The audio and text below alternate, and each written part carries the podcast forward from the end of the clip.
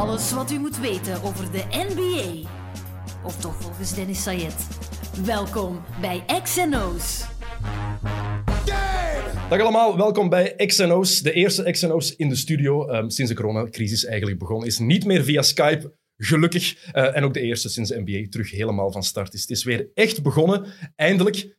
En wie ook helemaal echt is, dat is mijn gast van vandaag. Eh, de XNO OG, XNO's OG opnieuw. Frederik de Bakker, ik moet je zo blijven voorstellen. Het is anders, hè. Het is succesauteur, podcast, Oh, ja, absoluut. ehm, genie, schrijver, ehm, programmamaker Frederik de Bakker. Ja, dat? en wie beter om de eerste dingen weer in te leiden dan, dan ik? Ja, dat is logisch. hè. Ik moest jou wel vragen. Eh, blijkbaar, ja. Blijkbaar. Blijkbaar, wel. Ja. Het was per se nodig om mij te vragen. Om iets te bespreken van vier maanden geleden. Van vier, het is terug begonnen. Is waar. Kom, van vier maanden geleden. naar de toekomst. Ja, je zegt vier maanden geleden, we gaan het hebben over de awards. Ehm, en de awards, ja, blijkbaar tellen de nieuwe match, die acht wedstrijden die nu gespeeld worden, Mhm. tellen niet meer mee voor die, eh, die verkiezing, wat absoluut belachelijk is. Zeker voor de MVP Award. Er kunnen nog veel dingen Ah, ja, veranderen, dus dat is gewoon complete onzin. Dat gaan we straks doen. Eh, Ja. Ik wil eerst een paar dingen bespreken van die er al in de bubbel gebeurd zijn. Eerst vooral, hoe gaat het met Naarland? een tweede druk heb ik gezien. Frederik de Bakker. Niemand weet waarover dat... Dus Naarland is, een, is, een, eh, is mijn boekje dat ik eh, een tijd geleden uitgebracht heb. Eh, en ik denk zelfs dat we sindsdien nog eens opgepakt hadden. Hè, dat ik het al eens aangebracht had. In, in voet vooruit. In voet vooruit, ja, juist dat was het. Dus dat is een boekje en dat is heel, heel eh, depre- dep- deprimerende materie. Ideaal voor deze omstandigheden, voor in de zweethut hier. Mhm. Eh, en eh, inderdaad, ja, daar is nu een tweede druk van, wat dat bizar is. Want, eh, maar ik denk dat er niet helemaal... Ik denk dat ze een mistelde hebben of zoiets. Want volgens mij geraken ze die nooit allemaal kwijt. Maar blijkbaar is er een tweede druk, dus dat is wel tof. Eh, en dat heb ik voornamelijk te danken aan Alex Agnew en Andries Becker, spijs ik. Want ik mocht er een keer langs gaan. En, Sindsdien ben je zo populair geworden. Het is sindsdien waanzinnig. is het, eh, het is nog maar een kwestie van tijd, hè. Voordat ik dat hier allemaal... Voordat dat hier allemaal van mij is. 15.000 volgers? Nee. Nee? Nee, amper. Maar het is wel zot wat een effect dat dat deed. Eh, als je dus een keer langs gaat, want ik had zo op een paar dagen had ik zo 100 extra volgverzoeken op eh, Instagram. En dat is voor mijn doen is dat belachelijk veel. Binnen dit en een paar maanden, die eerste unboxing-video's komen eraan. Absoluut. En ik dacht ook, ja, ik ga opbouwen. Ik begin met Alex Agnew en dan ga ik naar XNO's. En dan, Tuurlijk. Voilà. Dat, is, dat zijn, zijn logische, de logische stappen die je moet zetten. En dan terug mijn gedachte. Je, je, Oh, eh, beruchte, nee, beru- is het berucht, moeten we het noemen. Fameuze eh, podcast shit over- moeten we het noemen. Het is shit. Hoe ga je verder nu Xavier niet meer is? Dat is de vraag. eh, Hoe ga je verder ah, wel, met mijn gedachten? Dus voor de, voor de luisteraars of voor de niet-ingewijden, eh, en hopelijk houden die dat zo. eh, mijn gedachte is dus een podcast waarbij ik elke keer samen met twee maten naar een aflevering van FC de Kampioenen kijk, dik tegen ons goesting. En dan lullen we daar vier uur over. En dat begint nu ook zo echt ook exponentieel weer te groeien, die, die volgers daarvan. En het raar is dus inderdaad, ja, met dat Johnny Voners gestorven is, dat dat toch een heel wrange bedoeling is. Hè? Want ja, Johnny Voners, dat zal ongetwijfeld een sympathieke P geweest zijn. Ehm, maar zijn acteerprestaties zijn nu niet... Waarvan dat ik zeg van de nieuwe Jan de Cler of zo. maar, eh, maar het wrangen is dus inderdaad van... Ja, je, je moet daar dus wel... Ik moet daar nog... eh, we zitten nu aan aflevering 78. Dus we hebben er nog een 200 tal te gaan. Plus zo wat films. En we moeten daar dus naar blijven kijken. En je mocht dan zogezegd niet te kritisch zijn, maar je kunt bijna niet anders. Dus het wordt, het wordt moeilijk. Maar Jan de Cler en de kampioenen zou ook nooit werken. En dan heb je kwaliteit Dat in waar. dat programma. Ehm, moet ook trouwens waar. proberen om Jan Vertongen ooit te pakken te krijgen. Gigantische kampioen van, eh, fan van FC de kampioenen. Ja, Maar dat echt dat is- gigantische Ja, maar dat spreekt niet in zijn voordeel. hè. Daar kan ik dus niks mee aanvangen hè, met zo iemand. Ik weet het. Ik, vind, ik zie daar heel veel mogelijkheden. Ehm, Oké. Een rekensommetje. Voor jou, Oké Frederik. dan. 141, 141 dagen. Hoeveel maanden is dat? Eh, vier maanden en drie weken. Voilà, niet zo Ongeveer, moeilijk. Hè? We hebben pas een filmpje eh, online gezet hier om de restart van de NBA wat te promoten. en Ja. om de terugkeer van XNO's wat te promoten. Zo lang is het geleden. Ja, en ik heb toen ingelezen 141 dagen, dat is bijna vier maanden. Ja. Niemand heeft dat gewerkt. Niemand. En ik dacht... Ja, voilà, Sam Kerkhoff doet die loser, dikke loser. Maar het ding is, niemand heeft dat gemerkt, dus iedereen is een dikke loser. Ja. Maar het is wel heel erg van mezelf. Dus echt, ik zag het die avond en ik zo, 141 dagen. Dat is toch niet helemaal... Klopt precies toch niet. Gewoon laten staan. Ook mooi dat degene, ik weet niet wie het gemonteerd heeft, Ja. dat hij niet gezien heeft, Ja. heeft nagedacht, dat klopt precies niet. Dat is wat je daar hebt ingelezen. Ik denk dat we dat even opnieuw gaan doen. Eh, maar goed, dus mea culpa. ehm, 141 dagen is 4,5 maand. Iets Inderdaad. Ja, inderdaad. Eh, we gaan het even kort... Geen probleem. Oké, voilà. we gaan het even kort over van alles hebben. Ja, NBA is is terug begonnen in de bubbel, in Orlando, ehm, in Disney World. Ehm, en eerlijk gezegd, het ziet er fantastisch uit. Het ziet er beter uit dan dat je zou verwachten. Hè? Het ziet er, van alle sporten die er zijn, buiten fietsen natuurlijk, Ja. buiten wielrennen, want dat maakt geen hol uit of daar nu sporters zijn of Ja, niet, ja, ja. ziet het er gewoon ongelooflijk ja, wielrennen, uit. pas op. Ja, ik vind dat dat toch ook wel iets Who cares? geeft. Who cares? Kom op. Nee, maar wat maakt het uit of er nu op de mond van toe, of er nu iemand staat of niet? Kijk naar die coureurs. Ja, oké, maar toch even niet als je zo, hè, die typische beelden van zo de, de, de eerste klimmer van Noop, en die wordt dan zo langs alle kanten belaagd door al die zotte mensen dat er een zonneslag eh, opgelopen hebben. Eh, ik vind dat dat toch wel iets. Maar, eh, maar zeker bij voetbal bijvoorbeeld is het wel, vind ik het wel tristig. Als ik je zag dan zo, bij dat Dortmund een van de eerste, alles zo Duitsland, de Duitse competitie. Ik herinner me beelden van Dortmund en dat is dan inderdaad zo leeg, een lege arena, trekt op niks. Hè. Die, nu, camera, die camerastandpunten zijn ook niet veranderd. Terwijl in de NBA hebben ze dingen geprobeerd. Ja. Met die lage camera's, onder andere die railcam. Ehm, ze zijn zo gepositioneerd dat je de supporters ook niet echt mist. En het is ook gewoon mooi ingekleed. Het Zwaar. ziet er gewoon goed Het uit. is goed gedaan. Het is goed gedaan. Eh, ja, ik weet niet wat. Volgend onderwerp. Maar mis jij, mis jij de supporters? Want als ik het zie, Nee. tijdens de playoffs, tijdens de belangrijke momenten, Ja. ga je ze missen. Ah, wel, als, als je inderdaad... moment. Ik herinner me dat shot van Kawhi Leonard, Ja. dat dan zo op die dingen... En dat is wel iets waar het publiek... Of waar dat een absolute meerwaarde is. Maar ja, voor de eerste drie kwartier is dat niet echt eh, is dat niet nodig, En natuurlijk. sowieso in de NBA wordt alles zo opgepompt, is alles zo artificieel, Ja, dat is juist. dat het weinig uitmaakt nu of je daar supporters hebt of niet. Het is geen voetbalmatch waar de supporters voor de sfeer zorgen. Het is geen ijshockeywedstrijd waar het ook Dat is waar, ja. hooligans zijn. dan in de NBA.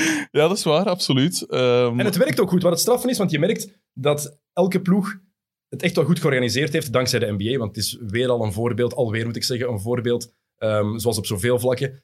De supporters, beste, bijvoorbeeld als ja. Utah zogezegd thuis speelt, want thuisvoordeel is er niet meer, mhm. dan hebben ze ook de echte typische chants van de Utah Jazz. En dan hoor je ook cool. een bepaald vocaal publiek, buiten de af en toe rantebiele racisten die daar zitten, die dan mooi worden Oh, in Utah? Dat hebben ze, Oh, eruit- dat hebben ze eruit gelaten. Dat hebben ze eruit gelaten. Straf, hè, in Utah. En ze hebben ook de zuurstof, het zuurstofgehalte naar beneden gehaald worden.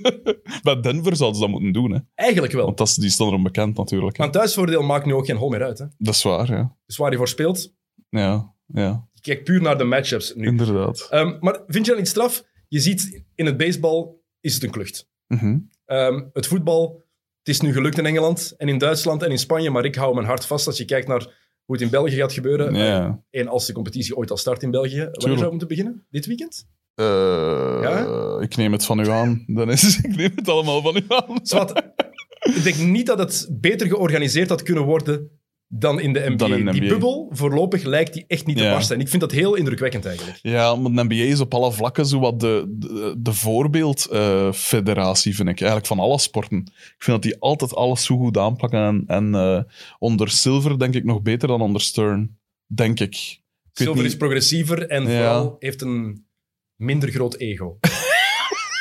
niet onbelangrijk. Inderdaad, inderdaad, ja. Wat is jou nogal opgevallen? ja, maar Frederik. Wat een lul. Ehm, wat is me nog wel opgevallen? Eh, ni- niet echt iets, moet ik zeggen. dat is, ik moet eerlijkheidshalve zeggen dat ik het niet super goed gevoeld heb. Want ja, al die podcasts, al die bestsellers, eh, de tijd is beperkt. Dus gelukkig gaan we het over de awards straks hebben. Voilà. dat ik eh, kan teren op mijn geheugen van een half jaar geleden. Oké, ik heb toch een... Gelukkig, ehm, daar heb je ook op voorbereid. Ik had gelukkig al een paar dingen doorgegeven aan Frederik. Echt, maar ik heb toch een paar dingen uit de bubbel die ik wil overlopen. Ehm, Hm. Je mag daarop reageren of niet. Ehm, Gewoon niks wel. zeggen. Gewoon. zeg alsjeblieft... Gelukkig ben je op voorhand verwittigd, heb je een paar dingen Tuurlijk, moeten bekijken ja, absoluut, Ehm, absoluut. De namen op de shirts. Ja, Bij, ze hebben al een paar dingen uitgeprobeerd. Dus de eerste speeldag, eerste match was het alleen maar de, de maatschappelijke boodschap die erop stond. Sommigen die dat trouwens niet echt goed begrepen hebben. Bijvoorbeeld in deze periode, Gordon Hayward, een van de enige blanken bij de Boston Celtics, kiest dan niet voor education reform. Als je dan in een ploeg speelt met Jalen Brown, een van de meest vocale zwarte spelers in de hele NBA, die Mhm. in Atlanta een paar betogingen echt mee geleid heeft, dat- ja. als die gaan praten, die eerste keer, als Jalen Brown vraagt Gordon, ja, maar ik, waarom? Maar...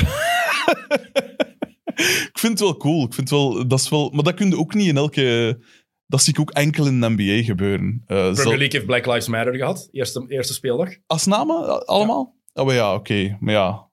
Maar ja, dit was zo met al die verschillende dingen en dat vond ik wel... Dat is wel ik weet niet, dat is wel typisch voor, voor een NBA om dat soort dingen te doen. En eh, ik, ik vind dat wel... Ik vind dat cool, omdat dat ook zo wat... ehm, je weet... Allee, jij weet eh, dat ik nogal ben voor... voor eh, voor teambasketbal, voor, voor, voor, voor werk en voor verdedigen. Voor, niet, zo, niet zozeer voor het, voor het ego-element van basketbal. Jaren niet. Voilà, dat is eigenlijk exact wat ik bedoel. Ehm, maar, eh, dus ja, dat, dat, als je die namen dan wegpakt, dan neemt ze ook wel van het... Van, ja, dan, dan draait het veel minder om die namen. En dat vind ik wel cool. Natuurlijk, basket is dusdanig... allee, de teams zijn dusdanig klein dat je ze sowieso wel herkent aan gezicht, aan houding, aan wat is wel, ze hebben dat dus een beetje aangepast.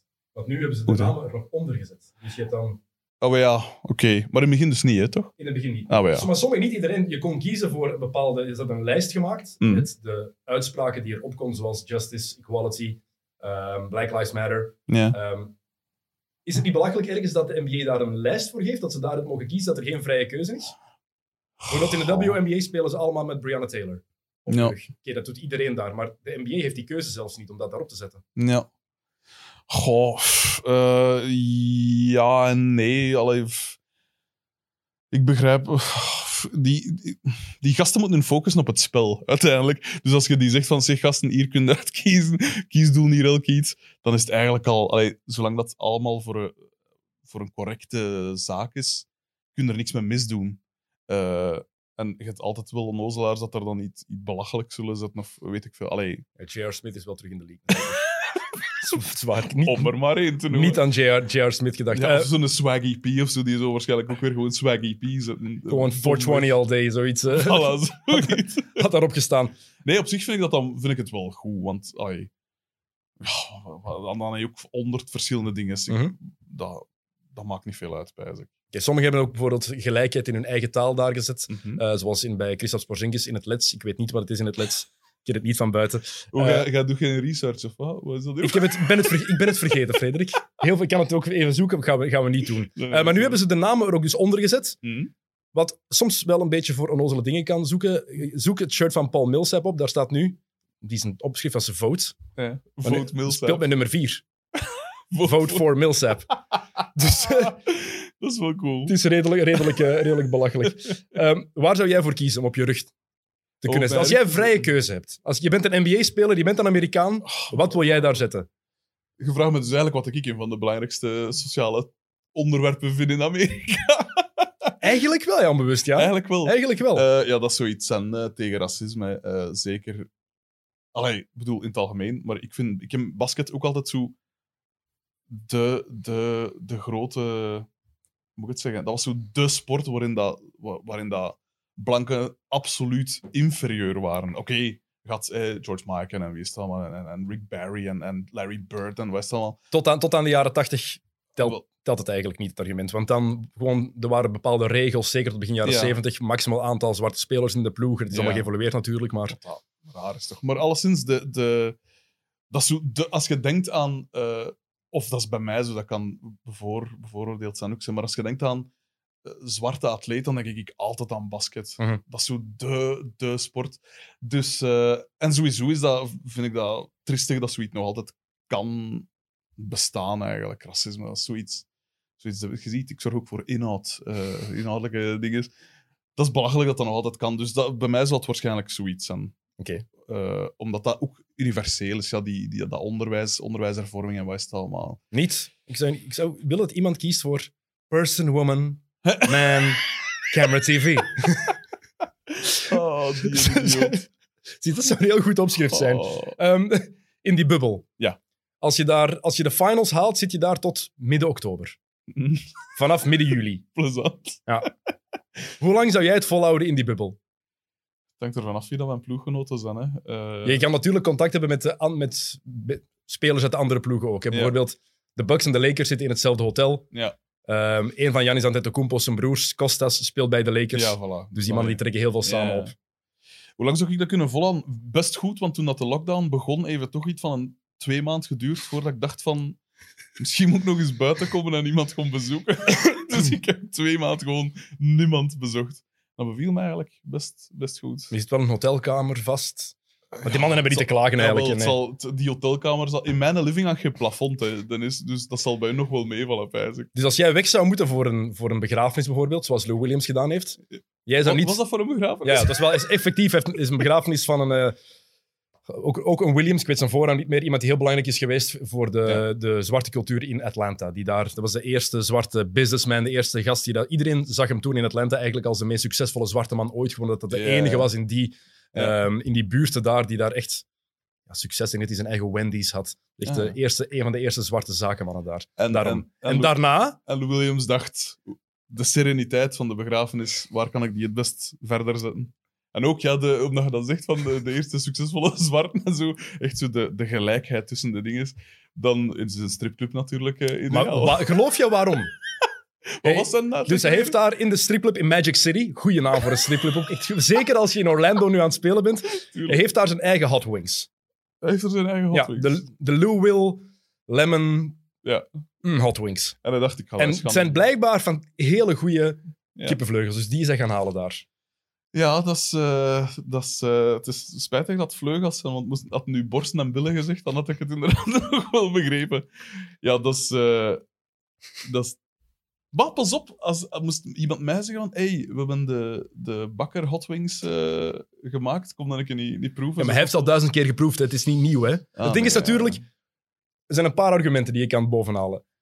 Eén, hij had alles kunnen verkloten. Stel je voor dat hij het oploopt Ja. ehm, en hij komt terug, want hij moest Maar sowieso denk, een paar dagen in nog- Er quarantaine. is nog nooit iemand die het opgelopen in een stripclub. Dus, dus geen nood. Wist je trouwens dat eh, James Harden zijn shirt ehm, retired is, echt in de rafters hangt van een stripclub in Houston? Dat is echt waar, hè? Die ook zo wat Die is daar zo vaak al geweest, Oh, dat ze die zijn shirt daarop gehangen hebben, gewoon... Maar ik begrijp niet, als je zoveel... Als je, dus je hebt het lichaam van een god, want ja, je bent hè, een, een atleet. Eh, je hebt een baard, dus je bent sowieso al cool. En, eh, en je hebt geld mee over. En dan ga je naar een stripclub voor, voor achter de vrouwen te zitten. Ja, Die, die houden hun mond meestal, dat is daarom, hè? Houden die meestal in hun mond? Meestal wel, hè? Die, krijgen, die worden betaald, dus dat is dan hier, fooi, Ah, ja. extra zwijgen. Ah, oké. Je hebt duidelijk... eh, je bent duidelijk ingewijd. Ik heb veel podcasts geluisterd, eh, veel podcasts de laatste maanden, Frederik. Ehm, maar het ding is, ehm, Alex Caruso die wou naar de trouw gaan, denk van zijn broer of zus. En toen hebben ze daar ook tegen hem gezegd van als je gaat, daar zijn meer dan 100 gasten aanwezig. Als je terugkomt, moet je minstens 10 dagen in quarantaine, want het risico is te groot. Ja. Hebben ze nu ook gedaan met Lou Williams. Logisch lijkt me, want in zo'n stripclub, je weet niet hoeveel volk daar Nee, zit. tuurlijk. Het risico is te groot. En ook anderhalve En waar- meter maar waarom is iedereen er dan zo, zo zot van aan het worden? Van ja, en hij wordt gestraft omdat hij naar een stripclub is gegaan. Nee, hij wordt in quarantaine gezet omdat hij ja. gewoon een risico kan zijn. Dat is toch maar al te logisch. Maar ja, dat is dat Puriteinse Amerikaans gez- ge- gezwam altijd. Hè. Dat is, die, die zijn er zo hypocriet. Er is, allee, volgens... eh, Je kunt bijna niet... Ik bedoel, het Witte Huis is eigenlijk al een stripclub geworden als je ziet wie dat daar achter de, aan de dingen zit, aan tafel zit. Eh, dus dat is weer zo van dat, ge- van dat gelul van ja, maar ja, het mag niet, maar we gaan het toch toelaten. En wat is Mhm. Allee, het is het een of het ander, hè. Maar anderzijds, ja... Je moet het maar durven, hè. Vind Naar een stripclub gaan. Als je even Ja, weggaat maar voor een ja. begrafenis, dan denk je, Het is dat. we gaan toch nog even vleugeltjes halen. Gewoon even. Ga naar de Een supermarktgast. hoerke? Ik heb een klein Ja, echt, ga naar de supermarktgast. Echt, of doe iets anders. Ga naar een drive-in. Ja. Stuur iemand anders naar binnen. Maar ik heb de indruk dat het dus niet om het eten ging, hè, Dennis. Ja, hij zegt van wel. Ah nee, maar ja, maar dan, eh, als ik honger heb, ga ik ook altijd naar de stripclub. zeggen. Eh, iets anders. Eh, Michael Porter Jr. Ja. Fantastische match gespeeld de afgelopen nacht voor Denver. 31 punten, denk ik. Was Mhm. het eergisteren. Dat- Sinds die lockdown is begonnen, dat is al vier maanden, heb ik geen nul van dagen. Wanneer, wat zijn we vandaag? Echt geen enkel Woensdag. idee. Is woensdag? Ah, voilà, het is woensdag. Michael Porter Jr. van Denver heeft gezegd ehm, dat het coronavirus allemaal dikke bullshit is. Ehm, en het man wordt enkel gebruikt om, ehm, het wordt gebruikt om de massa te controleren. Mhm. Om iedereen in de gaten te kunnen houden. Hij heeft dat twee keer gezegd in één zin. Dat is heel mooi. Ja. Adam Silver heeft daar ook al op gereageerd. Ja. En heeft gezegd: eh, When we're young, uh, we say silly things. ja, Mooie reactie wel. dat is waar. Ja, dat is dom, hè. Dat is dom, hè. Waarom zo... Gans de wereld... Nu, pas op, ja, van een kant... Van een kant... eh, in dat soort... In dat soort crisissituaties worden er altijd dingen, worden de, de, de grenzen altijd wat, wat verder getrokken dan dat ze eigenlijk zouden mogen liggen. En dan moet je er wel over waken dat ze, niet, dat ze die nadien dan wel weer terug eh, leggen waar ze lagen, vind ik. Maar om nu te zeggen dat het dat gans de wereld even bezig is met een flauwe grap, dat, dat lijkt mij wat ver gaan. Maar ja, ook dat is weer zo'n ding van, vraag een atleet niet op dat soort dingen. Hè. Kom, dat is onzin, hè? Ik, niet zeggen dat je voor shut up and dribble bent. Dat is belachelijk. Wat van een kant wel. Kom maar, Allee, pas op, ik heb liever wel dat, dat, dat die mediatraining, dat haat ik. Hè. Dus ik vind, als je een, een atleet interviewt of zo, laat hem dan zijn wie dat is. Want Ja. dat, dat, is, dat is het beste dat er is, vind ik. Ehm, maar anderzijds, ja, gevraagd een, gevraagd een eh, weet ik veel, een, eh, een minister vraagt toch ook niet om hem even in de winkelhaak te, te krollen. Hè. Dat is, Als hij dat zou kunnen, wel. Maar onze minister van Sport, die weet nog ineens hoe er een bal eruit ziet. Hè? Dus dat maakt niet uit. Hè? Die, ziet, die ziet waar. waarschijnlijk zo'n grote Lego-blok. Oh, hier, we gaan shotten. Allee, dus als we gaan... Satire, satire, beste kijker, beste luisteraar. Nee, maar eh, ja, dat is. Maar, ik vind altijd zo. Of als ik LeBron dan weer zoiets hoor zeggen over, overal. Alleen van een kant vind ik het. Ze hebben een voorbeeldfunctie. Dus ik, ik, als het voor de goede zaak is, ja, dan kun je er moeilijk tegen zijn. Ze hebben een platform, dus het is goed dat ze het gebruiken, Ah, zou ik ja, denken. Alleen als je dan dingen zegt als ik heb me ook nooit laten vaccineren, ik ben tegen Ah, wel, vaccins. voilà. Dus dat. Dus, Ah, in deze tijd is het Dus- toch een beetje raar om te zeggen. Hè? En zeker dan als je... Gelukkig voor hem spelen de Timberwolves niet in de bubbel, want die sukte te hard. Maar als je dan tegen Carl Anthony Towns zou moeten spelen, die zijn moeder verloren heeft Ah, aan het ja, coronavirus. juist, ja, ja, Arne. Ruts, die eh, journalist van, eh, van Sporza, had het online gezet van als die nog tegen elkaar zouden spelen nu. En inderdaad, wat moet je dan zeggen? Ja, het Dude, is, het is Mijn moeder is eraan overleden. Ja, het, is, het is spijtig dat de jaren 90 eh, voorbij zijn, hè, want dan kost er nog een elleboogskin of een... eh, Het is spijtig dat de jaren 80 voorbij zijn op dat vlak. want als je nu een Bill Lambier of zo in je ploeg had, dan kost het even de, de zaken. Die zouden het nooit overleefd hebben met sociale media. nooit. Echt, nooit. Ehm, Bill. nog een dingetje wat ik zou willen weten hoe jij het zou doen. Ehm, als jij zou spelen nu in de NBA. Hoe zou En jij... ik ben er klaar voor. Ik zie het helemaal. Je bent zo fit als iets. Eh, hoe zou jij een ref uitschelden? Er is veel te... Ze horen Eh, alles nu, hè? Ja, wel ja. Ik Letterlijk. Ik En- zeggen, zo stil mogelijk. Ehm, maar ja, ook dat is zoiets waar ik altijd een probleem mee had. Hem. Ofwel, eh, ik vind een ref die weet waar dat dan begint. die je weet van ziet. Je zit hier met een hoop gasten dat volledig... ja, dat op, op het scherp van de snee trainen elke keer. Dat volledig dat volle adrenaline zit. Daar staat 20.000 man op te kijken. De, de, druk is hoog. Laat die gasten doen. En ook, ik bedoel, een ref, die moet vooral... Dat is achtergrond, hè. Die moet hem vooral niet te veel moeien, vind ik. Eh, en zeker wat dus de regels betreft. Ik zeg dan een elleboogsken, hè. Wat nou een keer? Even het scrotum eh, een, een wreefje geven. Maar de regels hangt er ook vanaf voor, voor, voor, voor wie, hè? Mooi, eh, mooi gehaperd, hè? Zie, die post-coronatijd het is werkt nog altijd niet. Nee, nee, dat ligt puur aan mezelf. Niks met de hitte te maken. Dat is gewoon pure onkunde. Pure onkunde. Als je kijkt, sommige spelers... Maakt niet uit hoeveel stappen ze zetten, hè? nee, dus- dat is toch getikt? dus Dat het vind maakt ik soms niet uit. waanzin, Dat vind ik waanzin. En sommige dingen worden dan het minste gefloten. Hè, een offensieve fout, of of, allee, een, een, ja, een offensieve fout. Ehm, dat, dat, wordt, dat wordt altijd gefloten, maar zo'n een, een, een marché, dat, eh, dat kennen ze er blijkbaar niet meer. Dat vind ik zo belachelijk. En je ziet ook sommige uitzonderingen gewoon. Eh Janis Antetokounmpo heeft met de Bucks vannacht heeft maar één helft meegespeeld tegen de Ja. Nets. Daarom de Nets hebben gewonnen. Eh, Janis heeft de tweede helft gewoon niet gespeeld. Hè. mhm. Eh, even rusten. Ehm had even een opstootje met Dante Hall. Ja. Een grote naam van de, de Brooklyn Nets. Nee, daarom, het is niet bekend. Ehm, Who he play for. maar tegen de ref, de, de scheidsrechter hield hem tegen en je zag hem echt zo naar beneden naar de ref kijken van... I'm gonna fu-" Nee, hij zei letterlijk, I'm gonna fuck him up. Uh-huh. Geen technische fout, scheidsrechter niet gewoon begaan. Ah. Dat is nu al voor mij het beeld van heel deze bubbel. Gewoon, Janis, 2 meter 14 die tegen de ref zegt, I'm gonna fuck him up. Klaar, klaar. Maar Janus is toch totaal geen... Dat is zo'n een, een vriendelijk manneke. Waarom? Omdat het een Griek is. Nee, niet omdat de Grieken was. ik weet dat je van Antwerpen bent en dat daar de, de grenzen op bepaalde vlakken wat verder Onze grenzen gaan binnenkort sluiten. Ik woon in Borgerhout. Dat is waar. Ik ben al, ben dat is vind het al straf dat ik hier naartoe ben mogen komen. Het is We moeten zien dat we hier weg zijn voor... eh, wat was het? Wanneer is de avondklok bij ons? half twaalf. Ja, toch, hè? Och, arme. Ik vind het nog altijd jammer dat er eigenlijk geen sirene door Antwerpen gaat. nu. Ja, inderdaad. Gewoon om één voor half twaalf zo loeihard één keer nu binnen allemaal. Allemaal in uw kot. Nee, maar Janus is voor mij... Ik weet dat niet, dat is zo een, een lief manneke. Ik zou die niet serieus Een nemen. lief manneke. Maar ja, toch. Ik, wil, oh, ik zou u zo graag in de paint tegen Janis willen zien spelen. Echt. Dude. Dat is toch een lief manneke. Je kunt dat toch niet vergelijken met een, met een Oakley van in der tijd. Of een... eh, Nee, Oakley is een meter 20 in vergelijking met Janis.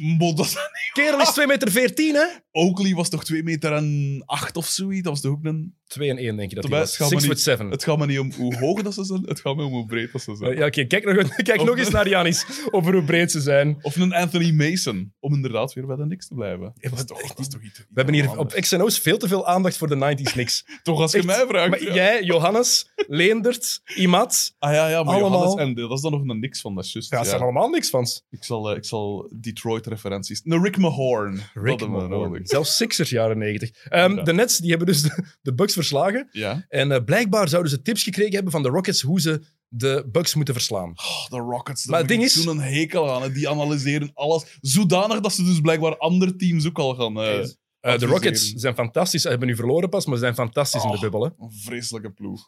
Oh, ik haat die ploeg zo Maar, hard. dus nu, maar de Nets halen dat nu aan. Ja, we hebben tips Ja. gekregen van de Rockets. Ja, Janis heeft de tweede helft niet gespeeld. Als de beste speler een in basket niet speelt, dan, dan kan je misschien winnen. Dat is waar. Zeker met drie punten verschil eh, of zoiets. Ehm, Iedereen... toch, de Lopez Brothers moeten we ook niet onderschatten, vind ik. Oh ja, qua Qua wat? scorend vermogen en zo. Hey, Brook Lopez, eh, kandidaat Defensive Player of the Year. Ja, ja, oké, defensive player. Maar En drie keer in de hoek, altijd binnen. dat is waar. Ah, voilà. Robin Lopez is toch... Binnenkort, net tegenwoordig. Ehm, iedereen, zoals we verwacht hadden, iedereen knielt. Ja. Bijna iedereen. Greg Popovich doet dat bijvoorbeeld niet. Daar is Maar geen kritiek op. Is... Die geraakt niet meer recht. Dat is een, eh, Ook al. Ja, belang- belangrijke, belangrijke eh, kanttekening. ja. En vooral hoe dat die zich al uitgesproken heeft. Het is wel duidelijk hoe hij en eh, Ah, Becky ja. Hammond daarover denken. Tuurlijk. Het straffe vond ik Jonathan Isaac, de enige speler die dat niet gedaan heeft. Ja. Ehm, Maar je zegt dat, gebles... dat een, nu, is, nu is geblesseerd nu- geraakt. Ah, ja. Heeft niet willen knielen, omdat hij zei van ja, het is, ik moet niet knielen om te laten zien dat ik zwarte levens, dat ik Black Lives Matter, dat ik die beweging steun, dat ik gewoon zwarte levens steun. Mm. Is zelf ook een, een zwarte natuurlijk. Wel, daar, ik ging ervan uit als je zelf zwart zet dat je... En hij, wel- en hij heeft zijn geloof dan aangehaald als, als reden. Ik vond het eigenlijk wel straf. Ja, tja, dat is ook weer zoiets. Ja, hij heeft wel gelijk, hè. Hij heeft eigenlijk wel gelijk. Ehm, Het is niet omdat je niet knielt dat hij die dat beweging niet steunt. zet, Ja, Ja. Voilà. Het is niet omdat je er openlijk vo- eh, niet voorzet. Het is niet omdat je er niet openlijk voorzet dat je er tegen zet, dat is waar. Anderzijds, ja, hoe moeilijk is het om even mee te knielen? Alhoewel, zo dat kuddegedrag, ik, ik vind dat een gelijkheid. Ook al is het voor de goede zaak. En langs de andere, moeilijk, langs de andere kant, al is ooit twee minuten op één knie blijven zitten en dan Ah, toch wel, gelijk- ik is heb- niet plezant, Ik heb als goed slatter op mijn knieën, dus ik, ik kan niet goed meer op mijn knieën zitten. Maar Dat sowieso, eh, als je als basketter, zeker in de NBA, als je Ja, zoveel ja, speelt, je knieën doen pijn. heel vaak. Maar ja, ze leggen dat wel zo. Nee, er liggen geen matjes daar, hè, gast. Maar ja, dat is dan een die materiaal. Wat doen die gasten eigenlijk? Wie? De materiaalman. Dat die, Ja, die, zijn, die zijn er niet, hè? Dat, zijn die mannen die elk in dat pak van, van Mickey zitten en zo, keer- die Ah, alles leggen nu, hè? ah, wel, Dat zijn die mascottes. Super warm in de... Ah. Dat zijn Oh, ja, voilà. dat zijn dat die, die doen. Ja, het ergste is, Jonathan Isaac is inderdaad geblesseerd, heeft zijn eh, Ja. voorste kruisband afgescheurd. En het, het vuile is eigenlijk, het was een bijna identieke play als die eh, play van Derrick Rose. Het is acht jaar geleden. De, toen die zijn ja. knie- die bunny hop. En je hoort dat van heel veel mensen als ze die, die bunny hop doen. Die kruisbanden die worden zo belast. Ja, een paar keer gebeurt dat die dan afscheuren. Dus Jonathan Isaac is oud, gaat voor lange tijd uit zijn. Eh Jaron Jackson Jr., meniscus gescheurd, out voor de season. Terwijl Memphis toch wel een van de leuke ploegen was. Zeker Ja. met Zeker met Jackson. Jr. En, en Ja Morant, hè. Ja, voor Jamorant is fantastisch, maar het heeft ook gevolgen. Want kijk, als we de standings, Memphis nu 32 en 36 en Portland staat al op anderhalve match. Ja. Dus die gaan de playoffs waarschijnlijk toch niet meer, eh, Hmm. niet meer halen. Jammer genoeg. Jammer ook voor Jaron Jackson Jr., toffe speler om te Hm. zien. Ehm, TJ Warren. Iets van gezien van zijn highlights? Niet van gezien, maar toen dat je, maar je zei met dat ze bieden, TJ Warren zoveel punten. En ik, 53. en ik dacht van, TJ Warren, wie was TJ Warren nu? En plots haalt hij en dan eh, komt hij in af met 53 punten. Ja, Thomas Atai, ehm ex-speler van onder andere Oostende en Giants, heeft daarmee bij North Carolina State gespeeld in college. Ah, en hij heeft gezegd dat de beste scorer waar ik ooit mee heb samengespeeld. Ah ja, maar ja, ja, dat kan ik me nu nog wel voorstellen. Het, alle man in de NBA is, alhoewel niet, niet iedereen is. is- DJ Mbenga heeft ook in de NBA gespeeld, hè? Ja, maar eh, ik, kon hem niet tegenhouden. Ze. Ik kon hem niet blokken. Ze. dat is beter als ik. Gewoon op de driepuntlijn laten staan. gewoon laten staan, gewoon laten Ah, afknallen. jij denkt dat ik die kan tegenhouden. DJ Mbenga. Pas op, Dat is waar, eigenlijk. Een een tank. beetje De- zelfvertrouwen. eigenlijk ben je de PJ Tucker van, de X, van XNO's, hè? Dat is eigenlijk, dat is eigenlijk wie jij bent. Echt, hè? Maar TJ Warren, Ja. en heel mooi dat hij ook Zot, dat vooral doet, ergens uit wraak. Want ehm, Wie was het dat ze hem hebben laten gaan? Eh, de Phoenix Suns hebben hem laten gaan voor Ja. cash considerations. Ja, ja, ja, inderdaad. inderdaad. Maar ja, bij Phoenix, bij Phoenix was die niet, niet veel waard. hè? Phoenix is gewoon een kutclub, hè? Er Ja, Dat is- ja, dat is waar. Maar, maar hangt een slechte vibe over. Dat is- bij sommige ploegen kan je een hele tijd niet presteren. Phoenix is er zo in, Sacramento was zo'n ploeg, Anderlecht Ja. was vorig jaar zo'n ploeg. dat is waar. Ja, maar ja, kom, als je een bal in je hand hebt... Met alle respect voor Anderlecht trouwens, gewoon, er wa- ging een slechte vibe rond, hè? Nee, ja, oké, in een slechte ploeg eh, is het moeilijk om goed te presteren. Dat is waar, maar als je een bal in je hand hebt, hangt het niet van je ploeg af of dat je... Maar het hangt wel van cultuur ergens af, dat bedoel ik daar ook ergens bij. Nu is die Ja. bij Indiana, daar is iedereen gelukkiger, is eerst aan een goede vibe. En dat verandert meteen iets aan een... Maar dat verandert veel voor een speler. Dat is waar, blijkbaar wel, ja. Wat ik altijd een beetje... Maar ja, inderdaad. Defense kunnen nog, hè, dat is werkkracht, maar, maar, maar offense, er zit toch een soort... Dat is gelijk in voetbal ook, daar hangt toch een soort... Dat hangt toch van je mindset af of zo, veel meer. Of alleen van, van hoe dat je je inderdaad voelt. Dus ik begrijp het ergens wel. Oké, ik wil nog een paar dingen kort trouwens bespreken, want jij moet, jij moet straks weg, Frederik. Dus dacht ik. Ah, dus ik, dus ik moet weg. Nee, jij, jij moet ergens zijn, hè? Dat is waar. Eh, ik Maar een paar dingen... ik alle tijd, hè, Dennis. Dat dacht ik al wel. Ik wil even gewoon kort een paar dingen eh, Ja. in snel tempo overlopen. Had jij Carmelo Anthony opgegeven? Ja. Het is te zeggen, dat talent, dat deed je. Hè? Maar als je nu een keer spreekt over mentaliteit en mindset, dat was een waarvan ik altijd dacht van... pff, dat is zo'n... Dat is een dat inderdaad in een goede ploeg moest zitten voor te presteren, denk ik. Dat is een dat we wat mogen gepamperd worden. Denk ik, hè, want wat weet ik ervan? Eh, maar als je hem dan nu bezig ziet, ja, dat is, dat is inderdaad die is in de goede ploeg terecht. Mello is back. Ja. Mello is back en En hoe oud is die? Is 5, 36 is van ondertussen, hè? 84. Ah, wel, dus 36 Ja. worden op zijn Ja. minst. Ja, dat is straf, hè. Dat is fantastisch. Ik had hem helemaal opgegeven. En Ja, ik had nooit gedacht dat Mello echt genoegen ging, ging kunnen nemen met een, ja. ja. een rol als, Als, als ja, wat is het, vierde optie? Ja, Vijfde optie. Hij is gewoon nu die, die shooter, die catch-and-shoot man. Maar hij vervult zijn rol wel zoals het moet. Bij OKC en bij Houston kon hij dat niet. Mm. Ergens werkte dat niet. En bij Portland... En weer die cultuur, die telt. Je hebt Ja, daar een ja. fantastische leider met Damian Lillard. Ja. Eh, want die ploeg staat nu nog net uit de playoffs. Waarom is dat? Ze hebben in het begin heel veel blessures gehad. Ehm, heel hun front, frontlinie was geblesseerd. Nu is eh Nurkic is terug. Zach Collins is terug, wat heel belangrijk is. Ehm, je hebt Gary Trent Jr., die fantastisch aan het spelen is. Mhm. En Damian Lillard, die gewoon bewijst dat hij misschien wel een van de vijf beste spelers in de NBA is. Inderdaad, ja. Die nog een Ah, niveautje extra ik haalt. ging hij. het juist zeggen, eh, Goh. Carmelo Anthony zal redelijk snel doorgaan hebben van ik ben hier nu met de beste in, in de ploeg. Maar hij moet ze nog wel binnengooien. Want bij Houston en. OKC deed hij dat niet. Hij kreeg daar ook die catch-and-shoot opportunities en deed ik daar denk- niks mee. Ik denk inderdaad dat daar wel het eh, een kwestie was van, eh, van inderdaad hoe dat hem voelde. En inderdaad zo die, die weinig interesse in het begin, dacht ik, in, in hem om, om aan boord te halen. En dan snel van ploeg gewisseld en zo. En dat zal wel inderdaad met zijn, met zijn, met zijn morele wat gespeeld hebben. Maar nu, ja, hij zit er nu toch al een tijd. En eh, Dit seizoen heeft, ze hebben ze hem goed binnengehaald. ja, en, eh, ja, ik zeg het, eh, past perfect. Hè. Dus En ik denk dat het van de kant ook wel chill is dat je, als je de vierde optie zet, ja, dan zetten ze inderdaad niet de beste verdediger op je. hè. Dus dat, dat helpt ook wel. Hè. dus Carmelo Anthony, sorry. Oh, zo, zover is ook nu ook niet. Ehm, de Toronto Raptors. We wisten het al het hele seizoen, maar ze blijven bevestigen. Geen Dat Kawhi, geen, Kawhi geen probleem. Dat Echt, maakt geen hol uit. Dat vind ik echt geschift. Want Kawhi Leonard was echt wel... Vorig jaar was wel... Ai, dat was getikt, vond ik. Mhm. En ook een heerlijk type speler natuurlijk. Hè. Eh, en, als je, en dan zie je inderdaad van ja, puur op basis van, eh, van het team. Hè, ja. Allee, pas op, ja, het loopt er nog altijd meer dan genoeg talent rond. Hè. Eh, want Het is Kawhi Leonard, het is een top 5 speler in de NBA. Ja, Die is weg, hè. ja, ja oké, maar, maar, maar- Haal Anthony Davis weg bij de Lakers of LeBron. ja, En die ploeg dat is waar. is ja. nummer 8 of zo, hè. Maar dat hangt ook af van het type speler, vind ik, bij, bij LA en zo. Dat is, dat is toch nog iets anders dan de mentaliteit van die gasten bij Toronto. Bij Toronto, dat was echt zo'n beetje een, een team van, ja, van werkers of van, van gasten dat inderdaad nergens zo de ster gingen zijn. En plots, ja, dat klikte. Dat is Ja. gelijk... eh, We gaan het daar zo meteen nog over hebben in de Coach of the Year. inderdaad, Eh, dat discussie, nog zeggen. Ehm, de Lakers, nummer 1 in het Westen. Voor het eerst sinds 2010. Mooi. Dat hoeft niet Eh, te verbazen. Hè.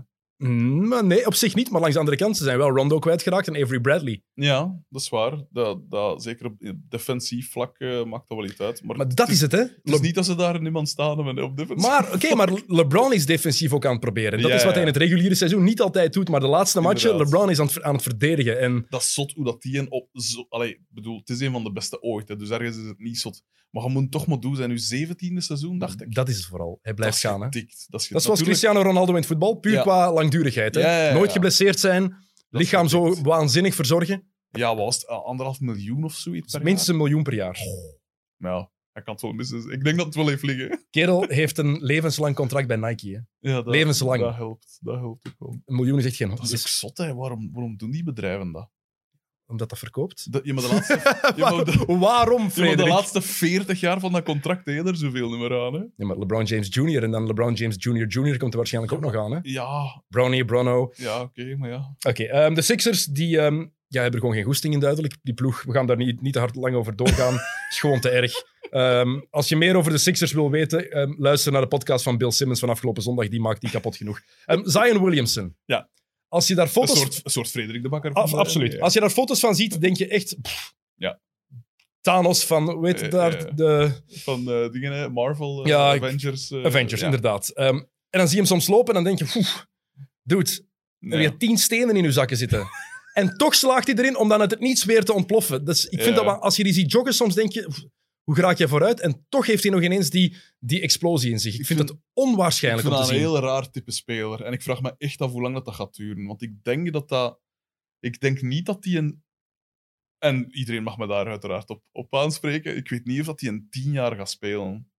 Ik weet dan niet wat dat, dat is, maar gelijk zo'n... eh, ik herinner me Greg, eh, Greg Oden in de tijd. Was ook, Maar Greg, anders, Greg, hè, maar- Oden, Greg Oden had een langer en een korter been. hè. Daarom is dat Ja, zijn carrière niet gelukt. hè. Die had één been was echt een groot verschil. Ik denk anderhalve of twee centimeter. Ze hebben dat pas te laat ontdekt. Ah, ja. Ehm, en daardoor ehm, heeft hij die knieproblemen ja, gehad. Als ze dat nu hadden ontdekt, hadden ze dat maar aangepast. Zion Williamson hebben ze ook moeten eh, opnieuw leren stappen. En wat is het allemaal? Hè? Echt zijn, zijn- Stephen Curry destijds ook. hè. Ja, maar die droeg wel iets minder gewicht mee. Hè? Dat wel een 50 kilo of zo. Maar als je kijkt, het is een van de meest unieke profielen die we ooit Ja, gezien gaan ja, ja. hebben. Maar Charles Barkley, de jonge Charles Barkley, komt het dichtst in de buurt. Ja. Hem is Maar- dat ook gelukt. die precies toch iets lichter op zijn benen zijn zijn beginjaren. Toch. Is Ehm, dat niet? ja, Dus iets. Die sprinten op, op het einde natuurlijk niet meer. Maar toch, Zion... Maar het ding is, als je hem ziet spelen, hij- de eerste twee matchen moest hij met, te vroeg naar de kant. Ik denk dat Mm. hij een kwartiertje max gekregen heeft. Nu laat ze hem in de clutch wel spelen en je ziet meteen die impact die Williamson heeft. Ja, dat, dat kan ik me voorstellen. Maar het is... Als die eerste stap is zo snel, want je zegt dan inderdaad het lichaam, het is, het is een meter 98 en 130 kilo of 132 Oh. kilo. Ehm, toch kan je hem niet stoppen. Die eerste stap is zo snel. Hij heeft die versnelling nog altijd. Het ziet er gewoon soms heel... Als hij gewoon joggt, Ja. denk je, je hebt, dit komt niet goed. En dan is die versnelling daar. Ik zie hem ongelooflijk graag spelen. maar ik denk dat hij toch gaan moeten, door, door, door deze carrière gaan moeten eh, zijn- zijn lichaam veranderen. Ze. Want zoveel spieren mee. al Ik zeg het, ja, voor, voor zijn knieën en wat is het allemaal. Dat, dat, die gaan moeten eh downslimmen, of hoe dat ze het noemen. volgens gemakkelijker gezegd dan gedaan. Eh, Devin, Dat, Book, moet, dat moet je mij eens zeggen. eh, Devin Booker, vannacht gamewinner gescoord. Ja. Ehm, ongelooflijke gamewinner over Paul George en half over Kawhi Leonard, de Clippers verslagen. ja. De Suns zijn ook een van de ploegen voorlopig sinds de herstart. Oh. Het is de waarheid. Ja, het is En waar. Devin Booker is een absolute superster in wording. Maar ik denk wel dat hij weg moet in Phoenix. Want Ja, want hoe lang is hij al in wording? Hoe lang speelt hij? Dat is toch al een jaar of vier, vijf of zo? Mm, draft van 2015. Carl Anthony Towns draft. Dus een jaar of vijf Ja. ongeveer. Ja, dan, dan mag het wel eens gaan Want dat is het ding. Daar straks waren we even aan het lachen met Anderlecht. Je weet, Anderlecht, ooit gaat die cultuur er helemaal terug goed komen. Je weet dat, dat Ja, daar stappen aan het zetten zijn. Bij? Phoenix ja, weet je... althans, ja, Beerschot was ook, ook ooit een grote ploeg. Bij Phoenix, bij Phoenix weet je... Je zit tegenover een nog- Germinal Ekeren Toen dat nog supporter. Dat Germinal blijft was. pijn doen. nog blijft pijn doen.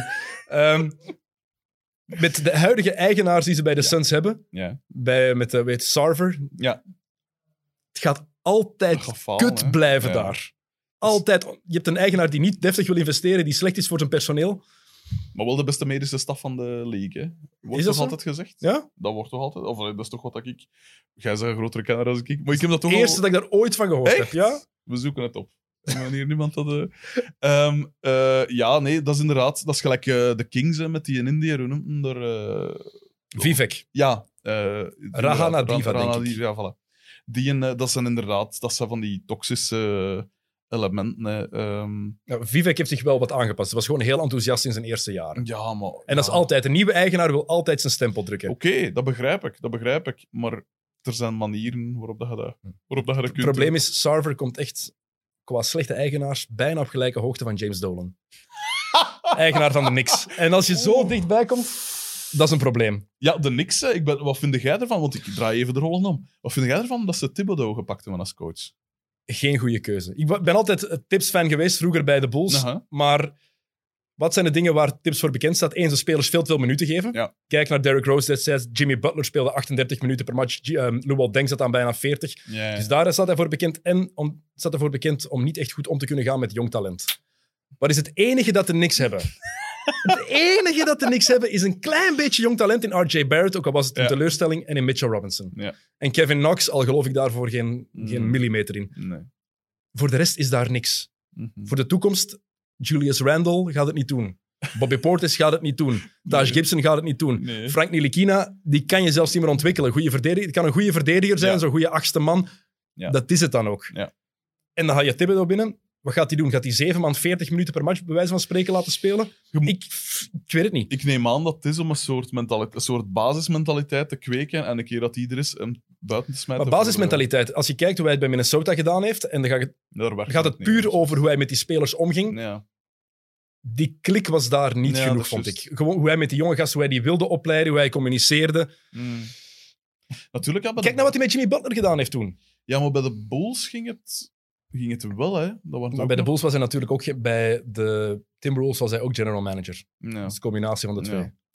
En toen bij de Bulls was hij vernieuwend, met die, vernieuwend tussen aanhalingstekens, met die ice defense. Mm. Defense waarin bij een pick-and-roll dat de, de big guy die zakt af en laat de, de, de gast die over het screen komt, laat die afkomen. Ja. Ehm, die defense is tegenwoordig achterhaald in de Mhm. NBA. Heeft een paar jaar fantastisch gewerkt. Nu switcht iedereen op bijna alles. Ehm, hangt er vanaf hoe dat je natuurlijk speelt, maar je, je zorgt ervoor dat je bepaalde matchups krijgt. Ja. Die defense is veranderd en ik vraag me af of Thibodeau het in zich heeft om mee te evolueren. Ja, dus, En Dus dat komt er ook nog bij. En zo vooral, Thibodeau haal je binnen. Dat is een coach om nu te winnen. dat is juist. De Knicks gaan niet winnen. Echt niet. Allee, De Knicks gaan niet winnen. Nee, dat is waar. Dat Dus- is waar. Waarom? Ja. Ik vind het heel vreemd. ja, James Dolan, hè. James Dolan. en nog één ding voor we aan de awards gaan beginnen. Ja. Ehm mea culpa voor Sam Kerkhoffs. We zitten hier in de, de mid-mid-studio's, omdat we De afstand, van elkaar afstand, wilden ja, houden. ja. We zitten hier sowieso eigenlijk, maar dan hebben we zo'n mooie, mooie green key achter ons. Prachtig. Maar 30 centimeter is toch net iets te dicht. Ehm, ik had hem gezegd voor het seizoen, een paar weddenschappen. Ehm, zet Utah in het reguliere seizoen boven de Lakers. Ik denk dat Anthony Davis en LeBron heel veel rust gaan krijgen. Ja. En Utah met Mike Conley erbij en Bogdanovic gaat werken. Dat is niet... Ah, slechte, niet slechte voorspelling. ja. Ik begrijp het ook niet van Mike Conley, want... eh, Nu is hij terug oké, hè? Ja, ja. Bogdanovic is er Ja. niet bij. Die is niet mee in de bubbel. En ineens is Conley terug de oude. Lijkt Ja. dat zo, maar daarvoor was het... Ja, het was, ik vond dat heel raar, want dat lijkt me, dat lijkt me echt zo'n een, een speler dat, dat je eender waar kunt in passen. Altijd professioneel, eh, altijd nuchter geweest, eh, altijd zijn- zijn zijn job gedaan. No, ho- horen die nooit klagen, denk ik. Nee. Terwijl hij toch ja, bij, bij Memphis En maakte zijn ploegmaats altijd beter. ook al. En dat doet hij nu niet meer. En Utah is dan echt... Utah is nu van alle playoff ploegen in het Westen, is Utah misschien wel de, de ploeg die het liefst wil tegenkomen. Ja, dat begrijp ik, ja. Ehm, maar ja, toch ook mm, toch niet onderschatten, hè, want eh, je hebt er toch nog altijd Gobert en, en Mitchell en zo. En, en, eh, Ja, je- maar je zegt het... Weet je wie de tweede scorer is daar? De tweede optie? Is het Gobert? Nee, nee, nee. Ah, Jordan Clarkson is eigenlijk de tweede optie. oké. ja. Voilà. Nee, dan, dan heb je volledig gelijk. Voilà. Oké, eh, NBA Awards. De acht matchen van nu, Ja, die acht seeding games, tellen niet meer mee. Ja. Voor Rookie of the Year snap ik dat. Ja. Voor Most Improved misschien ook nog. Ja. Omdat er acht ploegen zijn die niet meedoen. Mhm. Er zijn nu al drie ploegen te veel. Brooklyn of Washington, waarom, waarom Washington erbij is. Niemand In, weet in het. het algemeen. Echt. Ja, nee, maar zonder Beal en zonder Wall. Ja, dan blijft er weinig over. Onder andere Rui Hachimura en Thomas Bryant. Ehm, maar voor de MVP-verkiezing is dat eigenlijk wel belangrijk. Ja, ja, Je had, inderdaad. nog een, je had nog een verschil kunnen maken tussen Giannis en LeBron, maar dat zijn de twee topkandidaten. Eh, ja, inderdaad. Ehm, pff, ja, al... Ja, het is moeilijk te... Deze acht matchen tellen ook mee voor de seedings in de Ja. playoffs. Dus waarom zouden die niet meetellen voor de awards? Dus de stats die erbij blijven, die gaan voor altijd in de geschiedenisboeken. Ja. Dus, zal dan speelt dat toch een rol voor die awards. Dat is juist. Dat is juist. En ook, eh, zeker als het gaat over MVP en zo, die zal niet uit een ploeg komen dat niet in de bubbel zit. Daarom. De MVP komt nooit uit een ploeg die niet in de playoffs zit. Dat is juist. Nooit. Dat is juist. Ja, ik ben dat ze het op, op een duur ook allemaal niet meer weten. Ze. Maar dit is gewoon- ik- er is Wat gewoon- wilde wat een seizoen. Er is gewoon geen, geen deftig argument voor. Oké, eh, awards. We gaan ze overlopen. Ja. MVP. Wie is jouw MVP? Ja, dat zal Janis dan wel zijn, zeker. Hè. Het is ofwel Janis ofwel LeBron. Eh, en dan heb ik toch altijd een voorkeur voor iemand dat... Je weet, ja, het is persoonlijk. Hè. Bij mij, eh, verdediging, ik vind dat... Ik vind dat Ik vind dat belangrijker dan aanvallen, wat dat raar is. Dat- er is een gezien. aparte award voor de beste verdediger. Ik ook, weet het, ik weet het. Maar ik vind het altijd cool als gelijk... eh, ik dacht dat het Olajuwon en Jordan waren dat de enige zijn dat de twee eh, tegelijk gepakt hebben. Hè. Maar ik vind dat wel... Want ja, basket is niet alleen aanvallen. Hè. Dat wordt zo te vaak vergeten, vind ik. Dat, dat de, de nobele kunst van het verdedigen. Ik vind dat, ik vind dat oprecht serieus onderschat. En als je dan ziet, ja... Haalt inderdaad haalt hem weg of als zijn, zijn defense weg. En dan weet ik niet, of dan denk ik dat vrij evident is dat ze niet staan waar dat ze staan. Mhm. Ik bedoel, die gast is... Ja, ik weet dat. En, en ik, ik vind, daar, daarmee toonde ook dat je hoe allround dat je zet. Dus dat geeft u qua, qua, hoe moet ik het zeggen, qua perceptie alleen al, vind ik dat het u, dat, dat u nog meer allure geeft. Mhm. En oké, LeBron is, eh, is, is geen slechte verdediger en hij, en hij doet zijn best en al. Ehm, maar ik denk dat, dat je er niet omheen kunt wat dat eh Jaan is de laatste... Ja, vorig jaar en deze jaar, wat dat hier mens doet. Dat is En-. En deze awards zijn ook gebaseerd op de match voor de break. Ja. En toen heeft LeBron af en toe, heeft hij niet altijd op hetzelfde niveau verdedigd, is gewoon zo. En Tuurlijk. Antetokounmpo wel. En het ding is ook, toen op 11 maart alles is stilgelegd, nadat Rudy Gobert positief getest had, Ja. ehm, had Giannis Dat is eigenlijk zot, als je, sorry dat ik je onderbreek, maar dat is eigenlijk zot wat dat, die klucht met die micro's doen. Als je daar nu op terug kijkt. Dat Niet. Vroeger was dat zo, of in het begin was dat zo van, ah ja, pff, ja eigenlijk niet echt een mening, ja, mopken en een ding. En Het is, ook, nu- het is ook letterlijk... Rudy Gobert heeft ook heel de wereld platgelegd. Hè. Het is daardoor, doordat de NBA alles stopgezet heeft, die dag ging tegelijk, was tegelijkertijd ook de dag waarop Tom Hanks positief heeft Ja. getest. Die Ja, dag is ja, ja. alles platgelegd in de States en in de rest van de wereld. Helemaal. Dus echt zo Rudy Gobert en Tom Hanks. Schitterend. Ook mooi dat Gobert de, e- de Gobert de eerste punten gemaakt heeft na de herstart. Ja. Heel symbolisch, vond ik. Zit hier trouwens een remake van My Giant in? Met George Murray. Ik heb die nooit gezien. Ik ook niet. En Billy Crystal. En Billy Crystal, ja. Wel weten we hiermee. Zwat, eh, voor de herstart ehm, had Janis een knieblessure. Ging hij matchen missen. Ja. LeBron was beter en beter aan het spelen. Zat in een fantastische groove. Ja. Wel, er is niet meer gespeeld daarna.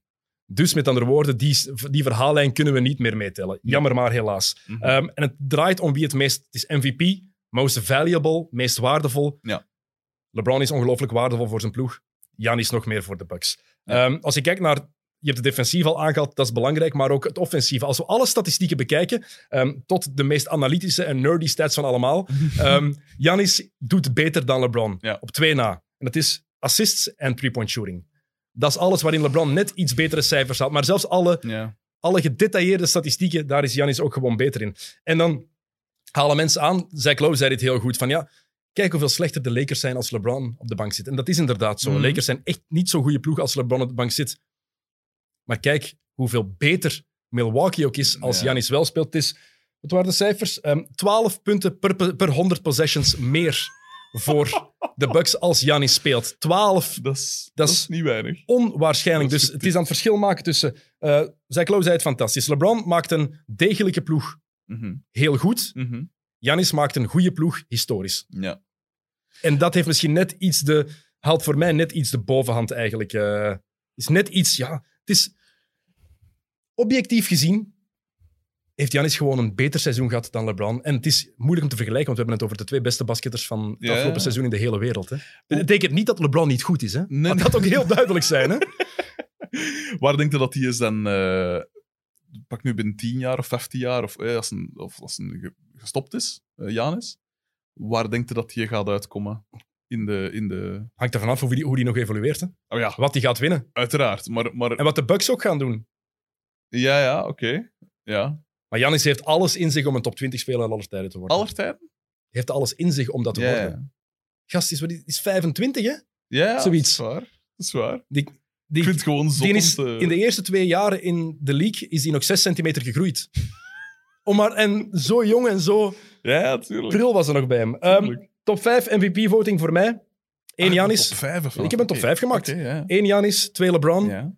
3 James Harden. Ik ben geen fan van zijn Oh. spel, ik weet het. Maar Ja, de cijfers. Hè, Het is ja. moeilijk ergens ook, want Westbrook was heel belangrijk. Ja. Ehm, zeker het tweede deel van het het reguliere deel, seizoen ja. was hij heel belangrijk voor Houston. En toen is Harden een beetje teruggezakt. Mhm. Ehm, en de Rockets hadden geen goede seizoenstart, maar goed. Ehm Kawhi bij de Clippers Ja. en Luca. Luca Doncic bij de Mavericks. Wat, dat is ook geschift, hè. Oké, we mogen die laatste... Maar wat hadden we onlangs? 20 rebounds? Afgelopen nacht 30, 20 en 10. Dat staat me dus niks De aan, jongste, rookie, jongste speler ooit met een triple-double met 30 punten, 20 rebounds en 10 assists. Dat is getikt. Dat is volslagen getikt. En het, ik, kan het niet af. Ik Waarom? kan het niet af dan een... Dan een, dan een Oké, het is geen point guard. Maar dat, is, LeBron is ook een point guard, hè? Ja, ah, wel, oké, maar ik kan het niet af dat iemand dat geen center of power forward is 20 rebounds. 20 rebounds, dat Ja. is, dat is waanzin. Ja. Dat zijn Rodman-cijfers. Eh, over, En nu pakt het eerste de beste pakt dat. hè. Dat is toch getikt? Wie gaat de betere carrière hebben, denk je? Doncic of Dennis? Rodman. Don, Doncic of Antetokounmpo? Oeh, dat vind ik moeilijk. Ehm, mm, misschien toch Doncic. Want hij een betere begonnen is ook. Ben, ja, ik ben De eerste jaren van, van Janis waren toch niet zo speciaal. Ik kan heel moeilijk objectief zijn over Luka Doncic. Ik vind die zo fantastisch. Echt, ik vind die zo Ja, ongelooflijk cool. ja, ja Goed. natuurlijk. Die gast was ook MVP op zijn achttiende van de Spaanse competitie, Ja, ja. van de Spaanse finals, van het. EK. Heeft het EK Ja. basket gewonnen? Dat is, dat is zot. En, en er tegelijk zo wat, zo wat deegachtig uitzien, toch? Hè? Doe je? Ik begrijp het niet. Ik begrijp dat niet, hoe dat je als topsporter... Allee, van mij mag het, hè. Ik heb er meer sympathie voor, want ik voel me ergens toch ook wel een soort Luka Doncic Jij voelt je de, de Luka Doncic van de podcast van de podcastwereld. Nee, maar eh, dus van de kant vind ik dat wel, vind ik dat wel iets hebben. Eh, maar ook gewoon, ja, het, het soort speler dat hij is ik, vind, ik vind rare tijden op dat vlak. Vroeger had hij zo duidelijke profiel en nu is alle man zo... Posities bestaan niet meer. Ja. Het is positionless Het basketball. is heel raar. Het is echt zo gelijk, de, gelijk eh, streetball eigenlijk. Op een manier. Iedereen kan zo alles doen. 20 rebounds en dan eh, een, een van 2 meter en 10 wordt plots een point guard. En dat is, ik vind dat verwarrend. Verwarrend. Er Oké. staat me niks aan. Chance dat je geen All-NBA-teams hebt moeten maken. Als David Silver dit hoort. Adam Silver. Mooi. Adam Silver- David, David, Stern. Stern, Adam Silver. Als hij dit hoort, doet er iets aan.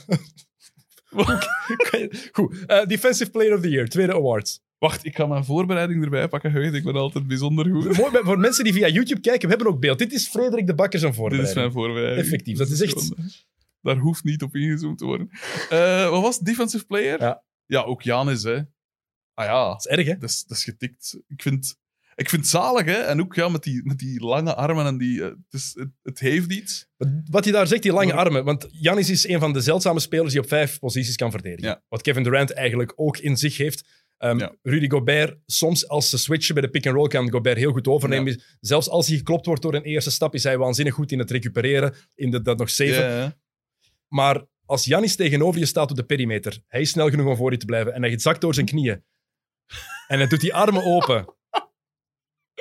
Ja. Je ziet het veld niet meer, hè? Ik bedoel, als jij dat doet, is het al, is het al zot. Maar die mens ziet, Dat is, daarom. die kan van hier uw laptop bedienen. Dat is, dat is Ja, maar dat, waarschijnlijk echt. Heeft een wingspan van, denk 7 foot 8. Ja, voilà. Dat is, Dat is 2 meter 35, Ja, die wingspan alleen. dat is getikt.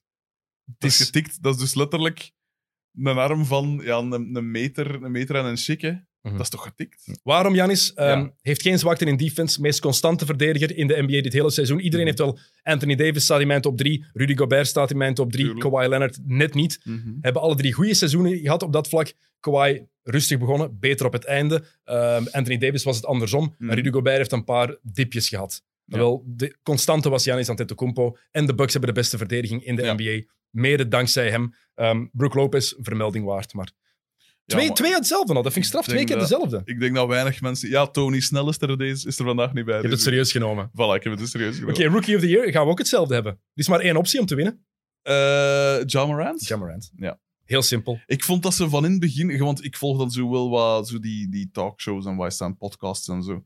En ze, ze willen het zo kunstmatig, willen ze Williamson er wel bij. En ik begrijp het, want het is hè, spannend. Het is een, een, een cool, een cool eh, vooruitzicht, of iets om naar uit te kijken.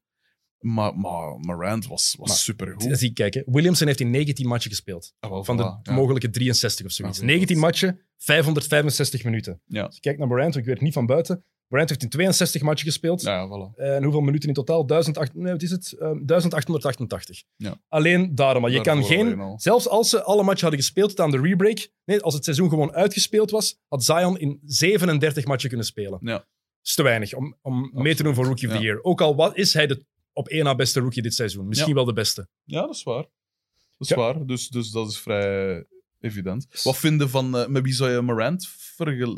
Het is nu... Het is nu wat op de on the spot dat ik u hier Mhm. zet. Maar met wie zou je, zou je hem vergelijken qua stijl?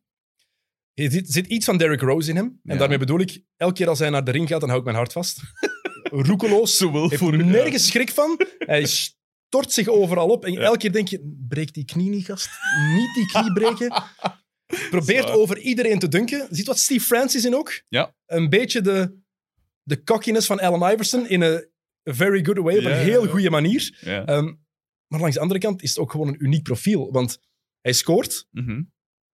maar het is ook een ongelofelijke spelverdeler. Hij Ja. ziet zijn ploegmaats, maakt zijn ploegmaats beter. Ik vind het een... Het is een, een, een mengeling van... Er zit soms ook een beetje Steve Nash in zelfs. Mhm. Ehm, als je ziet hoe hij soms die drive probeert te doen, ziet dat hij vastzit, onder door de ring weer terug naar buiten eh, dribbelen. Je kan heel veel uit verschillende spelers pakken en dat maakt hem eigenlijk heel ja, uniek. ja, absoluut. Ik denk dat de Grizzlies, als Jaron Jackson terug fit is, dat die daar met die twee een core hebben voor de toekomst, als ze die kunnen behouden. En als John Morant zijn kopje erbij houdt, ja. wat gaat gebeuren volgens mij, want Ja. is iemand die nooit... Die werd vroeger gezien als niet het grootste talent. En zo'n gasten die willen Ja. zich meestal blijven bewijzen. Zeker. Dat is een voordeel. Wat waren zijn cijfers nu? 18 punten per match. Ehm 34% van achter de driepuntlijn. Dat is niet slecht. Mhm. Ehm, vier rebounds, zeven assists en één steal per match. Dat zou een goed Kijk. cijfer zijn. Dat is eh, niet onaardig. Oké, John Morant zijn we het over eens. Dat is mooi. Ehm, wat heb ik hier nog? Coach of the Year. Dat is een moeilijke. Dat vind ik altijd een moeilijke, want je weet natuurlijk nooit wat dat er, of je weet nooit echt wat dat er allemaal gaande is in de kleedkamer en wat, wat is het allemaal. Maar als je puur kijkt naar het spel en, en eh, of waar dat wij zicht op hebben, vind ik inderdaad een Nick Nurse van Toronto vind ik wel straf. Dat je, Heb jij die op één? ik had die op één, ja. Ja, ik omdat, ook. omdat ik, ik- ja, wie moet je dan zetten? Ja, bij, ja, de opties zijn Nick Nurse sowieso. Billy Donovan bij Mhm. OKC, wat hij daarmee gedaan heeft. Oké, Dat Chris had ik ook Paul. niet verwacht. Nee. En inderdaad is zich altijd soms afvragen, waar staat Billy Donovan eigenlijk voor? Ja, Maar wat hij doet, is hij laat zijn spelers hun sterkste ehm, kwaliteiten Ja. uitspelen. En Chris Paul is de leider van die ploeg. Hier, Chris Paul leidt deze Ja. ploeg. Ehm, Mike Boerenholzer heeft de Bucks overgepakt van Jason Kidd, heeft daar een geweldige ploeg van gemaakt en heeft er nu het jaar daarna een historische ploeg van gemaakt. Wat nog beter is, Taylor Jenkins, coach van de Memphis Grizzlies. juist. Quasi een nobele onbekende. Ja. En de Grizzlies in het eerste jaar van Ja Morant doen ze mee voor de playoffs. Dat is mooi. Dat is ongelooflijk straf. Ehm, pff, heb je nog dat je daarom bij moet, denk, ik, even bij moet halen? Doc Rivers, kan je eigenlijk niet vergeten. Mike Malone Ja. met Ja. de Denver Nuggets. Ehm, Stevens, Brad Stevens van de Boston Celtics. Pff, Het is, Mm. Eric Spoelstra doet het altijd goed met Miami, maar nu opnieuw Tuurlijk, met ja. geen geweldige ploeg. Die staan vierde op dit moment in dat het oosten. mooi. Dat is mooi. Ehm, maar ik heb ook Nick Nurse. Ik heb ook Nick Nurse, omdat inderdaad bij de rest van de dingen dat je genoemd hebt, zijn, hoe, hoe moet ik het zeggen, is het team zelf in een opwaartse spiraal. Of, allee, er, er, hoe moet ik, het, ik zal het omdraaien. Bij Toronto is de beste speler weggegaan. En gelijk dat je zegt, het maakt eigenlijk niks uit. Mhm. Dat is heel straf. Hij laat zijn beste Want- kwaliteiten ook, uit, ook gebruiken. Ja. Op tempo spelen, de bal laten rondgaan, niet egoïstisch zijn en creatief zijn. En dat Ja. is, die is een van de meest creatieve ploegen. Dat is in offense. En in defense hebben ze ook een defensief systeem dat ongelooflijk goed, goed werkt. En vooral, Mhm. er is niet maar één systeem. Ze hebben drie of vier defensieve systemen waar ze tussen kunnen switchen, Ja. tussen kunnen afwisselen. Met Margasol als defensief anker, met Kyle Lowry, die dat van de point guard fantastisch doet. Ja. Met Pascal Siakam, die natuurlijk wel een nieuwe rol heeft gekregen. Dat is, als ze een halfcourt offense hebben, is dat eigenlijk wat de enige go-to guy. Mhm. Ik ben zwaar onder de indruk van de ex-coach van Oostende. Ja, juist, inderdaad. Dat is zot, hè. Mhm. Maar eh, ja, cool. Ik, ik, ik, eh, ik, eh, ik zou ook voor Nurse gaan. Ik zou niet weten... Ik zou niet...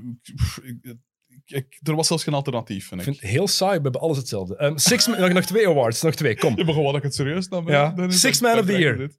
Six Man of the Year.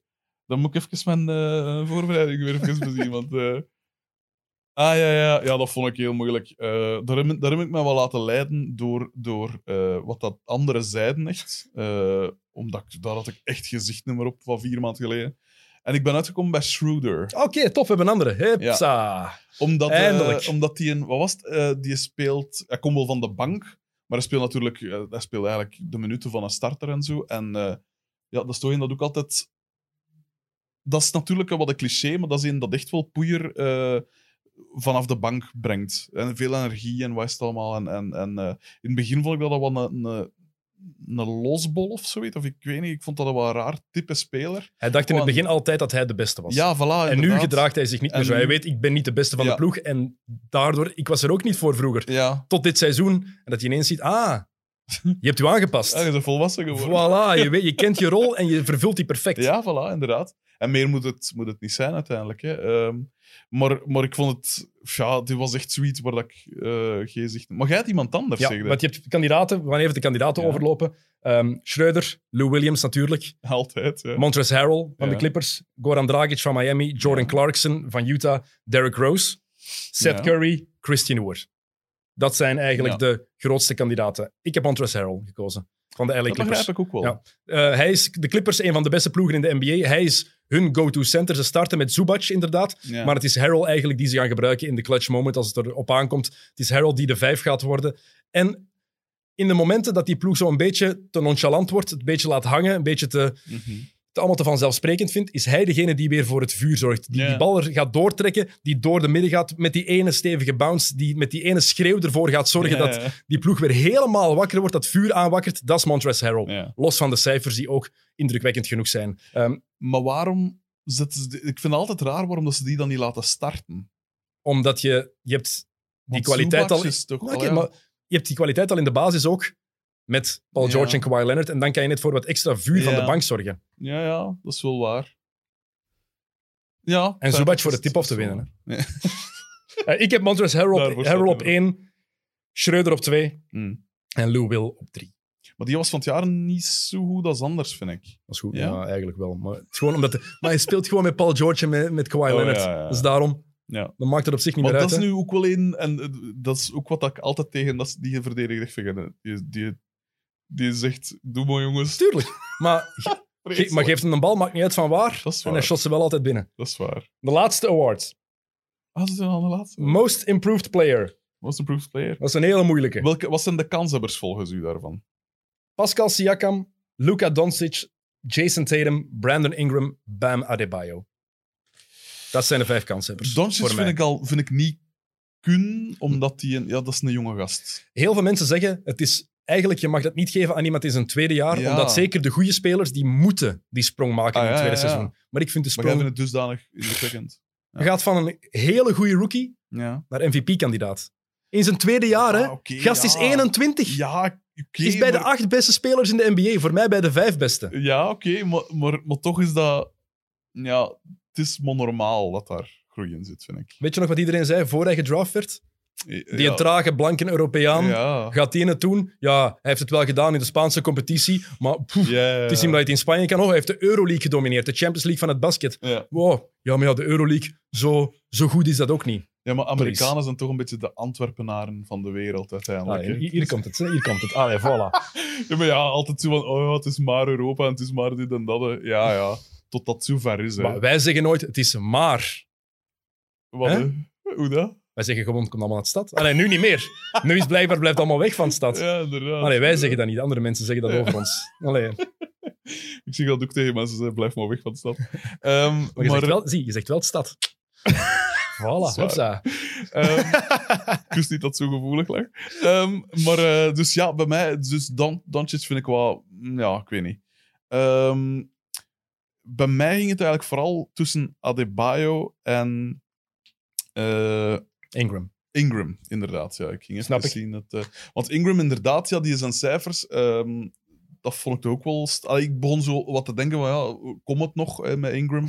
Eh, talent, en er werd dan gezegd, zo de nieuwe Durant en wat is het allemaal, qua, qua type eh, speler dat hij zou kunnen zijn. Ingram was de verwezenlijking van he's okay, but he's not real.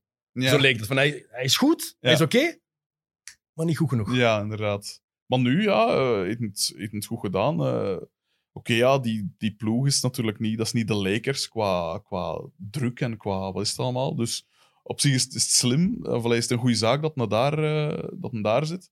Maar eh Adebayo, als ik me niet vergis, dan die zijn punten per wedstrijd verdubbeld. Ik zal de cijfers even aanhalen. Ehm, dus eerst Ingram van 14 punten naar 18 per match. Ja. Is van twee driepunters die hij pakte per match naar 6 gegaan. Wat nu heel Mhm. belangrijk is. Vrijwoordpercentage van 67 naar 85. Voilà. Rebound meer per match. Eh, wat is nog? Een anderhalve assist per match meer, halve steal per match meer. Ja. Dat was Ingram, hè? Dat was Ingram. Adebayo van... oh, Even zien. Van 9 punten per match naar 17 per match gegaan. het is dat je vergis mij trouwens. Het is, ehm, eh, Ingram is van 18 punten per match naar 24 Ja, gegaan. ja. Excuses. Dat was, ik was aan het kijken naar de ehm, Geen probleem. minuten per match, denk ik. Ehm, dus van eh 9 punten per match naar 16 gegaan, van 7 rebounds naar 10,5 gegaan, van 2 assists naar 5. Dat vooral mee spelverdeler Mhm. geworden. Een half blok per match meer, halve steal per match meer. Het? shotpercentage 56 Mhm. Ik vind, eh, daarom dat bij mij Adebayo is, eh, ik vind de progressie iets straffer.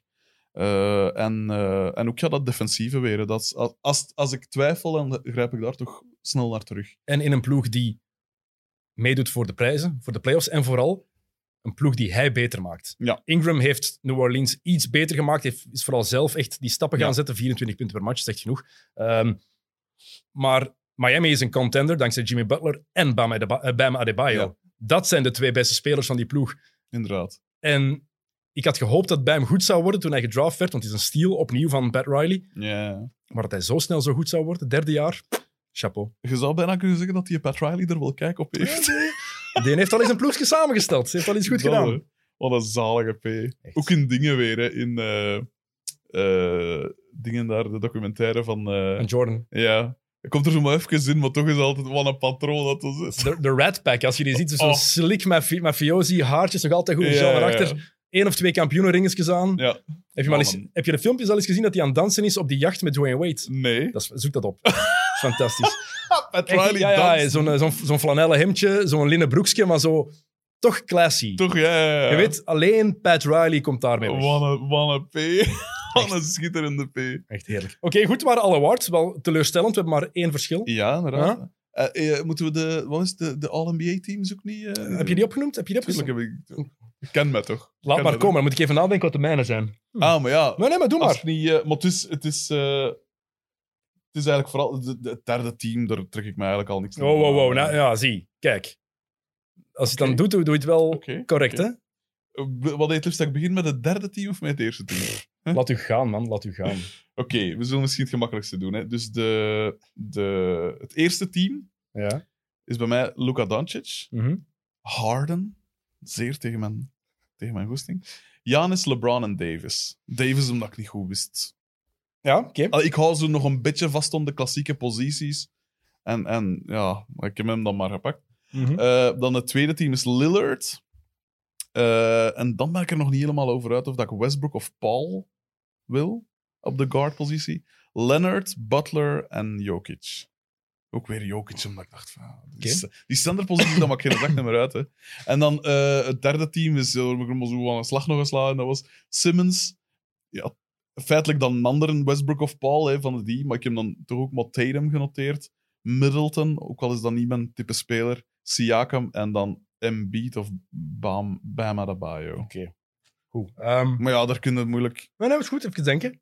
First team. Ik zet LeBron op de guard, want dat is een guard dit jaar. Oké. James Harden, sowieso. Ah, oh. Kawhi. Giannis. eh, Kawhi toch, ja? Ja, absoluut. En Anthony Davis. Ah ja, het LeBron. Anthony Davis op de center dan. Dus geen Luka Doncic. Tweede team, keuzes maken. Oké. Oké. Nee, ik weet het, staat in mijn MVP top 5, maar ik vind dit meer kloppen. Ja. Tenzij dat ik...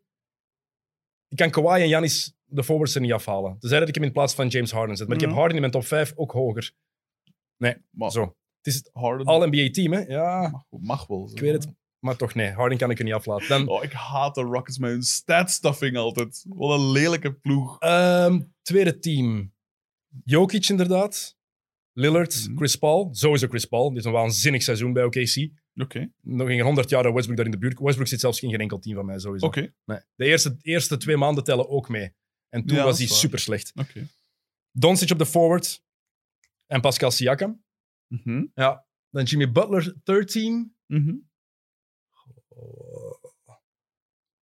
Denk je. Middleton. Mhm. Ja. Guards nog, hè? Heb ik Lillard al gezegd?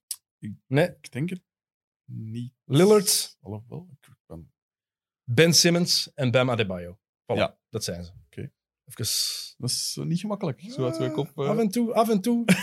het, is, Af en toe is, het is tien voor drie, ik begin wakker te worden. Voilà, voilà. Eh, zoals de Free van het eiland. Hè. In de voormiddag is fysiek aanwezig. Momentaal zijn we daar nog niet. Maar soms komt dat erdoor.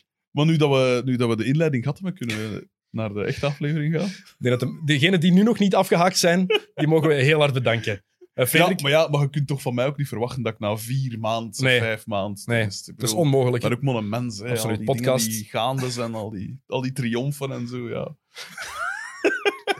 En dan Bob... Op dat, maar kijk, het is gedaan. Voilà, het is zo... Gewoon. Hier we knippen, hè. Het is, ja, nee, knip- knippen doen we niet in deze podcast. Het is met fouten erin laten. Je moet jezelf niet te serieus nemen. Vooral jezelf relativeren. Heel belangrijk. Heel belangrijk. Is er nog iets dat je te delen hebt, Frederik? Nog iets dat je wilt pushen? Een boek? Iets een ik podcast? Wel, ik heb dus nog steeds... eh Naarland is nog steeds te koop bij de betere boekhandel.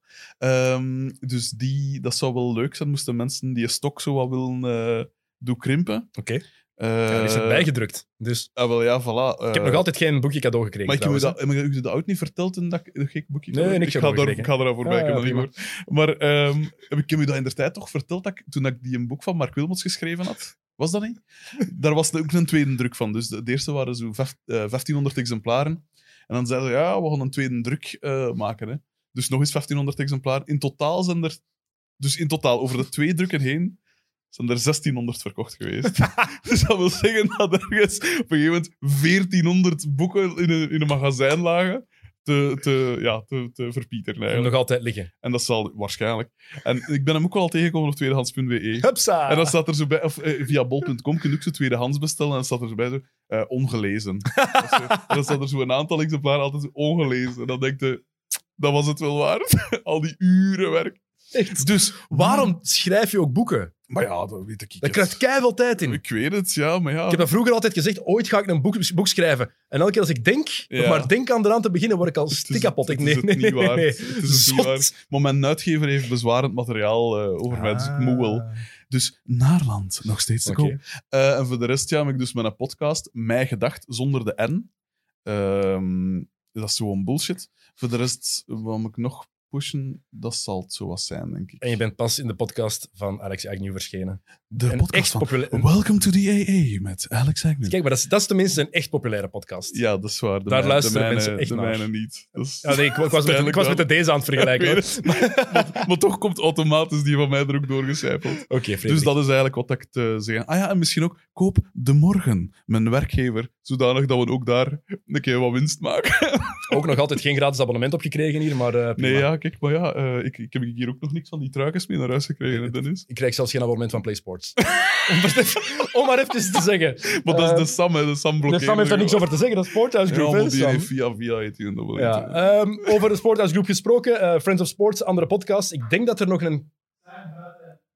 Zei je het buiten, voilà. Komt er een mid-mid... Komt er eh, een mid-mid kick en rush nog, of is dat gedaan? Ja. Ja, nu vrijdag, voilà. Nu Je mag daar luid op zeggen, hoor. Nu vrijdag komt er dus nog een mid-mid kick en rush. En dan dinsdag is er weer een gewone mid-mid eh, met Sam en Evert. En hopelijk met een SD-kaartje dat wel werkt voor hen. Ehm, dan moet Philip Kroos niet voor niks uit Antwerpen komen. Dat is gevaarlijk, hè, uit Dat Antwerpen. Echt, is... Ja, Ja, het is echt zo. Het is... ik weet eruit- het, ja. ik, ik, heb heel, ik had heel veel schrik. Ah, schrik is overdreven gezegd, maar ik voel mij toch een beetje ongemakkelijk om naar hier te rijden. Ja, ik ook. Dat is misschien heel belachelijk, Jij- jij maar weet van... niet wat ik allemaal op het spel zet om hier te zijn. Ja, maar Om uw podcast Nu, ik boven heb- water te houden. Nu, ik heb contact met mijn, mijn broer en mijn moeder en haar vriend. Dat is het. Voor de rest denk ik... En, dus er is een heel klein beperkt Ja, bubbeltje. Ik haat dat woord trouwens zo ja hard al. verschrikkelijk. Ehm, dus het is niet dat ik in, in contact kom met zoveel mensen in mijn buurt, maar toch Mhm. is dat heel raar. Ik begrijp het. Oké, Frederik, ik ga je laten vertrekken naar het mooie Sint-Niklaas. Oh, absoluut. Ik kijk er al naar uit. De parel van het Waasland. Bedankt, bedankt dat je... Mensen van Sint-Niklaas nemen dat niet persoonlijk. Nee, nee, Net zoals supporters van Anderlecht. Absoluut niet. Dat was gewoon een vergelijking die Ik we heb maakten. ooit Freddy Willox geïnterviewd. Dat was een heel sympathieke mens. Oké, voilà. On that bombshell, voilà. Soms komt het er wel uit. Voilà. Goed, bedankt voor het luisteren of voor het kijken. En tot de volgende XNO's. Salut, yo. Alles wat u moet weten over de NBA. Of toch volgens Dennis Sayed. Welkom bij XNO's.